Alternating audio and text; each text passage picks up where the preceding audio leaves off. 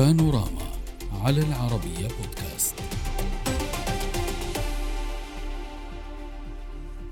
دفع المنطقة والعالم للنمو والازدهار استراتيجية سعودية لطالما تحدث عنها المسؤولون السعوديون ودعوا إليها وهو ما ترجمه الاتفاق السعودي الإيراني الأخير والذي يعد فرصة لمد جسور التعاون والعمل المشترك والذي سينعكس على جملة من قضايا المنطقة. اتفاق العاشر من مارس بين السعودية وإيران بوساطة الصين والذي يقضي باستئناف العلاقات الدبلوماسية حظي بترحيب عربي ودولي. دول خليجية وعربية وغربية فضلا عن العديد من المنظمات والهيئات الدولية تفاعلت بشكل سريع مع الإعلان بالاتفاق ورحبت به كونها خطوة مهمة للمنطقة نحو الاستقرار والازدهار. الترحيب لا شك أن مرده الثقل الأمني والسياسي والاقتصادي للسعودية وإيران وإن كانت طهران تعاني من مشكلات اقتصادية عديدة. كما أن الاتفاق يأتي تتويجا لرؤية الجانبين السعودي والإيراني بأولوية الحوار لخفض التوتر ما سينعكس مع الوقت على الملفات الشائكة في الشرق الأوسط. نناقش هذا الموضوع مع ضيوفنا من الرياض محمد العنقري الكاتب الاقتصادي. أهلا بك. من الكويت سامي النصف وزير الإعلام سابقا. أهلا بك معالي الوزير. ومن القاهرة العميد الدكتور خالد عكاشه مدير المركز المصري للفكر والدراسات الاستراتيجية. أهلا بكم ضيوفي الكرام إلى هذا النقاش. وأستاذ سامي منذ قليل ألمحنا بطريقة سريعة إلى الدور الصيني. ولكن هو موضوع في الواقع ناقشناه نحن بالأمس في بانوراما. ولكن وددت سماع رأي حضرتك عن هذه الوساطة وأهمية أن تكون الصين حاضرة في علاقة مع الاقتصاد كون الصين هو شريك اقتصادي واستراتيجي مهم جدا للطرفين إيران والسعودية كذلك ما مدى أهمية الصين؟ أنا أتصور أنه الأهمية كبرى يعني الصين كانت قوة اقتصادية كبرى وكان لها دور سياسي أقل شانا، الآن تفعيل الدور الصيني لربما يذهب إلى خطوات متسارعة إلى الأمام، نعلم أن آسيا هي القارة الوحيدة اللي لا يوجد بها تجمع قاري، هناك الاتحاد الأفريقي، الاتحاد الأوروبي، النافتا، اتحاد دول أمريكا اللاتينية، لربما الآن ضمن هذا التحرك نرى تحرك آسيوي لخلق مجلس تعاون لربما آسيوي يساعد آسيا على حل مشاكلها، نعلم أن هناك رؤية سعودية استراتيجية صائبة. ترى أن المناطق تنهض بالمجمل. يعني نذكر بعد ال 45 أن ألمانيا لم تنهض لوحدها، نهضت معها دول أوروبا الغربية، الحال كذلك مع دول شرق آسيا، الحال كذلك بعد سقوط الاتحاد السوفيتي والمتغيرات التي تمت في أوروبا الشرقية، دائما تنهض الدول بشكل جماعي وبالتالي علينا أن نعمل ضمن هذه الرؤية الاستراتيجية ومن ثم نعم.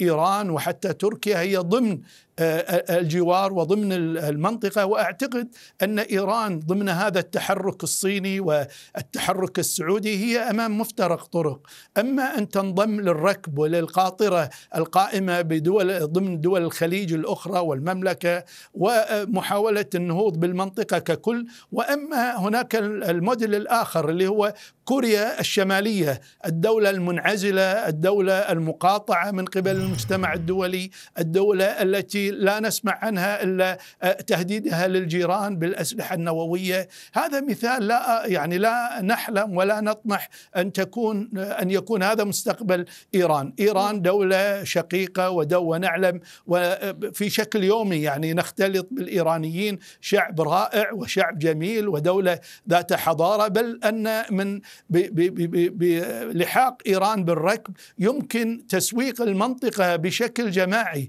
نعلم أن إيران بها الكثير مما يمكن للسائح وللمستثمر أن يستثمر فيه ويراه الحال بالعراق، المملكة، دول الخليج، الأردن، سوريا، لبنان، نحن يعني منطقة يمكن لها أن تكون بالفعل أوروبا أخرى ويمكن لها أن تنهض بشكل كبير، الآن الكرة لدى إيران. نأمل ون نرجو أنه نرى يعني تحرك إيجابي من إيران محاولة تبريد أو تفكيك. أنا ارى أنه حتى بالمدة هذه قاعدين نرى تفكيك بقضية الإشكال اليمني اليوم بجنيفا هناك لقاءات هناك كذلك آه، نوع من التحريك للملف السوري هناك اجتماع الدول الأربع وبالتالي إذا حسنت النوايا أنا أعتقد أنه لا نحتاج إلا إلى فترة قصيرة جدا لتحقيق هذا العلاقة مزدهرة صحيح ولكنك نعم. حينما نعم. قاربت بين الخليج وأوروبا قد ينتقدك البعض في الواقع أستاذ سامي لأنه البعض مع مراجعة آه، الظروف المعيشية لبعض الدول الأوروبية قد تكون بعض دول الخليج ظروفها أفضل. أفضل أفضل. أفضل, أفضل. لا أنا تكلمت عن 45 فقط عام 45 واضح. آه، أستاذ العنقري كيف يمكن تحقيق هذا الازدهار من بوابة اتفاقية التقارب الإيراني السعودي؟ بمعنى أن هذه المنطقة آه، الخليج نعلم بأنه منطقة بترولية وهذا مفهوم ولكن ما القطاعات الأخرى التي إن تقارب الطرفان آه، فنحن سنرى ربما شراكة اقتصادية من نوع مختلف. نحن قلب العالم يعني آه، أمن الطاقة في العالم آه، هو من الخليج آه، بشكل عام. ومن هذه المنطقة سواء في النفط سواء في الغاز. بالإضافة إلى الثروات الكبيرة المعدنية أو التعدينية، نحن اليوم مثلا في المملكة لدينا قطاع التعدين أصبح قطاع هو الركيزة الثالثة في الاقتصاد السعودي. ونستهدف لا أن يكون فقط تصدير آه، لمواد خام أو وسيطة إنما إلى منتج نهائي ولذلك يوجد الآن رخص لاكثر من مصنع سيارات مثلا وأيضا هناك مفاوضات لإنتاج قطع تستخدم حتى في آه، آه، صناعات ثقيلة في مع شركات عالمية.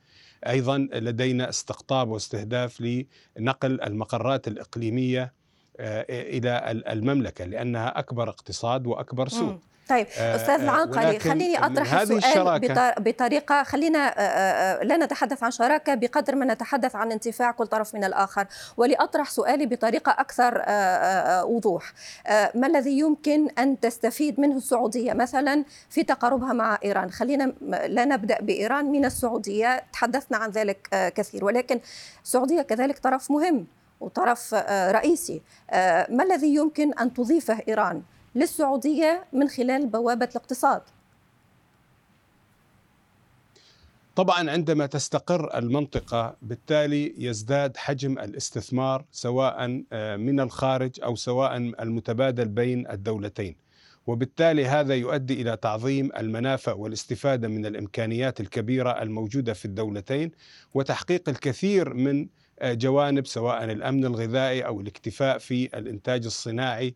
آه، نعلم أن مثلا جائحة كورونا سببت مشكلة كبيرة في سلاسل الإمداد وبالتالي منطقتنا يجب أن تكون منتجة لا مستوردة. كل دول المنطقة يغلب عليها الاستيراد للكثير من المنتجات. نعم. ولذلك طيب. مثل هذه العلاقة مع سوق قد مع سوق تكون ضخم جدا مهمة ولكن باختصار كبيرة. صحيح. باختصار شديد آه، دكتور خالد أختم معك عن الشراكة الأمنية. آه، يمكن أن تكون كذلك مهمة بين الطرفين باختصار شديد.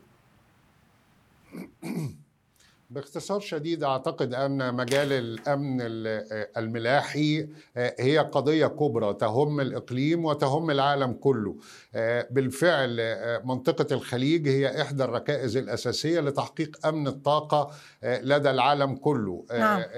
وتبحر عبر الممرات الملاحية شكرا. والمضائق نسبة كبيرة جدا من شكرا. حجم التجارة هو في الواقع سيكون النقاش بقية اعذرني من هذا النوع هذه وسامحني وسامحني عميد آه، دكتور خالد على آه، المقاطعة. شكرا جزيلا لضيوفي الكرام محمد العنقري الكاتب الصحفي دكتور خالد عكاشة مدير المركز المصري والأستاذ سامي نصف وزير الإعلام سابقا. السلام عليكم.